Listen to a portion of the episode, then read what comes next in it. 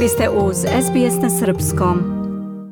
Mija, u Srbiji za proteklih 24 sata potvrđeno je 48 novih slučajeva zaraze virusom korona, a umrla je još jedna osoba. Ukupan broj preminulih sada je 240, dok je od početka epidemije registrovano 11.275 zaraženih. Kakvi su trenutno stavovi prema epidemiji COVID-19? U najnovijoj izjavi šef kriznog štaba Srbije dr. Predrag Kon naveo je da mi jesmo u epidemiji i da mere treba donositi u skladu sa situacijom. Svoj stav od pre dva dana da će nošenje maski postati obavezno ako se stanje pogorša, to jest virus otkriva u procentima 3 ili 4, on je ponovio, ali i napomenuo da je to besmisleno na otvorenom, ali neophodno u tržnim centrima, pogotovo za posebno osetljive. U domovima za stare bi dozvoljavanje poseta bilo greška, u radnim kolektivima virusa i dalje ima i u nekom džepu može da se pojavi, ali dok su tamo laka oboljenja, u gerontološkim centrima to bi imalo opasne posledice – naglasio je i da će oživeti od 1. juna i naši stadioni prema najnovijoj odluci štaba, naime kroz koji dan kreću i utakmice sa publikom, za sad je to hiljadu ljudi na rastojanju od jednog metra, ali ako se nastavi epidemiološki pad od 1. juna u novom setu preporuka moguće je i ukidanje ograničenja broja navijača kao i učesnika svih skupova. Za razliku od kriznog štaba, Insajder celu COVID situaciju u Srbiji vidi malo drugačije. Za nešto preko dva i po meseca od otkrivanja prvog zaraženog, o samom virusu i bolesti malo se šta izvesno zna. Može biti dramatično, a može i opušteno. Može se vratiti, a možda i neće. Možda je opasno, a možda i nije tako strašno. Sledi nabrajanje stihijski donošenih i menjanih odluka, a sve uz, kako se navodi, zamerke uvek nezadovoljnih građana – Kada se škole ne zatvaraju, zašto se ne zatvaraju? Kada se uvode rigorozne mere, zašto smo zatvoreni? Kada se otvaraju granice, zašto se bezuslovno otvaraju? I uz zapitanost da li je ipak problem u građanima ili u njihovom prethodnom sluđivanju na dnevnoj bazi.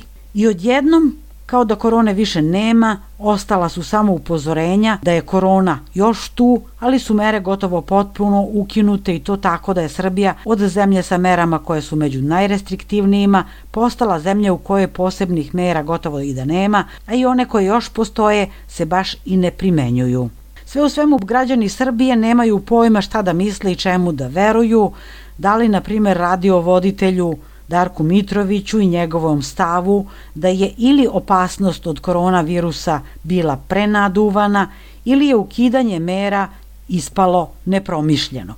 Ili pak imunologu Srđi Jankoviću koji poručuje da je opasno ponašati se kao da virusa više nema, bez obzira što nije lako pomiriti se sa tim da nije gotovo. A početkom nedelje počelo je isplaćivanje jednokratne pomoći građanima od 100 evra Pred bankama su dugački redovi, a istovremeno se vode polemike o ukupnom broju punoletnih koji su se prijavili za pomoć. Mija, konačan broj ljudi koji očekuju svojih 100 evra prema nekim analizama izgleda prelazi očekivanja ministra Siniše Malog. Portal Pravda piše da se za pomoć od 100 evra prijavilo ili je već primilo oko 6 miliona građana, a da je među njima 500.000 do miliona naših ljudi koji žive i rade u inostranstvu. Sajt direktno.rs daje nešto drugačije cifre i drugačije tumačenje. Tu se na zvanično iznešenu objavu o 4 miliona 26 hiljada građana koji su se prijavili dodaje milion i 705 hiljada 530 penzionera i 160 hiljada korisnika socijalne pomoći, što je 5,9 miliona onih koji će dobiti pomenutu pomoć države. A podsjeća se da je ministar Siniša Mali svojevremeno govorio o 5,5 miliona punoletnih državljana Srbije sa pravom na ovu novčanu pomoć. Pošto se procenjuje da trenutno u Srbiji živi oko 5,2 miliona punoletnih građana, to znači da se do sad već prijavilo 700.000 ljudi koji više nisu u zemlji i time se otvara još jedno pitanje. Koliko je onda ljudi napustilo Srbiju tokom 8 godina aktuelne vlasti. Izgleda da ćemo u narednih 10 dana na osnovu ukupnog broja prijavljenih za 100 evra saznati i odgovor na ovo pitanje navodi sajt direktno.rs. Portal Pravda iznosi da je nemoguće utvrditi koliko se tačno naših inograđana prijavilo za ovu pomoć, jer ni stručnjaci nisu saglasni oko broja ljudi koji imaju državljanstvo Srbije i prebivalište ovde, a rade i žive van zemlje. Različite procene potiču i od toga što mnogi rade samo povremeno inostranstvo, a u računicu ulaze i oni sa dvojnim državljanstvom koji borave u Srbiji. Portal zaključuje da za ovu meru naše vlade nije bilo zainteresovano ili pak nije moglo da se kvalifikuje još oko 700.000 ljudi, nešto iznad 10%, a procenjuje se da je među njima najveći broj onih koji su dugo u inostranstvu, a nemaju važeće lične karte, iako im je prebivalište u Srbiji. Ministar financija Siniša Mali potvrdio je da se od ukupno 6,7 miliona punoletnih koliko broji birački spisak, više od 4 miliona prijavilo za ovu pomoć, a pravda prenosi procenu analitičara Vladimira Goatija da od ukupnog broja birača njih 1,7 do 1,8 miliona živi van Srbije, kao i njegov stav da svima njima ovaj novac pripada, te ga ne treba ostaviti da bude upotrebljen na drugi način. Goran Nikolić, urednik ekonomista, pak smatra da u inostranstvu radi oko 1,2 miliona naših ljudi, da se bar polovina prijavila za 100 evra. Oni i dalje ovde imaju prebivalište, lične karte, nalaze se na biračkom spisku i niko sa njega ne može da ih skine, to je njihovo pravo, kaže i navodi da neki od njih redko dolaze, drugi su više ovde, a često putuju van jer nemaju stalne dozvole za rad. Uz to, nekoliko stotina hiljada je sada zbog epidemije došlo u zemlju, te je realno da su se upisali bilo odavde, bilo iz inostranstva, kaže Goran Nikolić, a prenosi portal Pravda. Studio? A nedavno odluka vlade Crne Gore da od početka juna otvori granice samo za zemlje koje imaju najviše 25 zaraženih na 100.000 stanovnika za sada isključuje građane Srbije.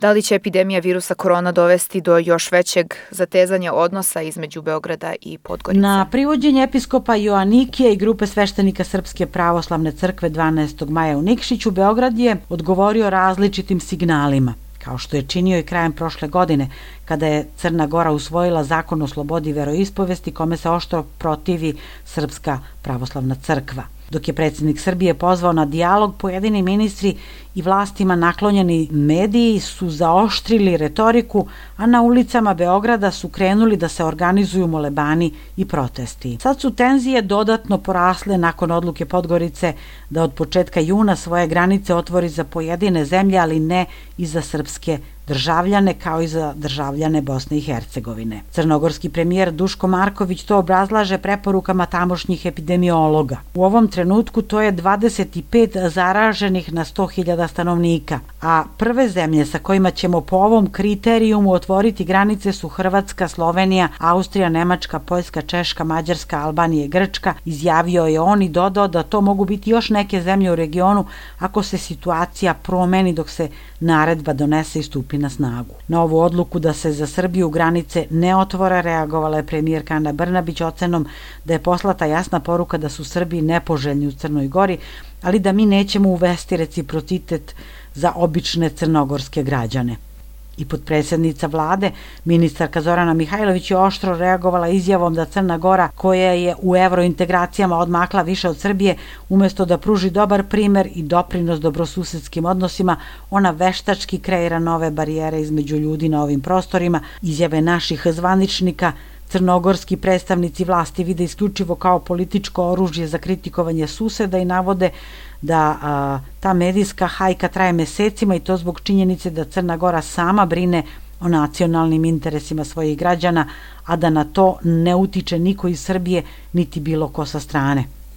Kritike na račun odluka crnogorskih vlasti stižu i od predstavnika opozicije u Podgoričkom parlamentu, koja je upozorila da će sve ovo da se obije o glavu građana Crne Gore, posebno onih koji žive od turizma, jer teško da će im ovog leta doći ljudi iz Srbije i Bosne i Hercegovine. Spoljnopolitički komentator Boško Jakšić kaže da je kriza koja je započeta zbog verskih pitanja dodatno zaoštrena i da bi predsjednici Vučić i Đukanović trebali što pre da nađu kompromisno rešenje kako deblji kraj ne bi izvukli građani Srbije i Crne Gore.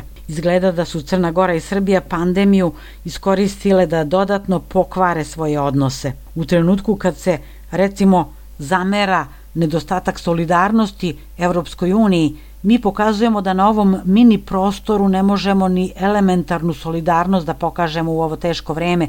Šta tek očekivati kad pandemija prođe, izjavio je Boško Jakšić. Studio. Mija, hvala. Slušali ste izveštaj naše saradnice iz Srbije, Mije Nikolić. Ostanite uz SBS radio. Dajte like, podelite, komentarišite. Pratite SBS Serbian Facebook profil.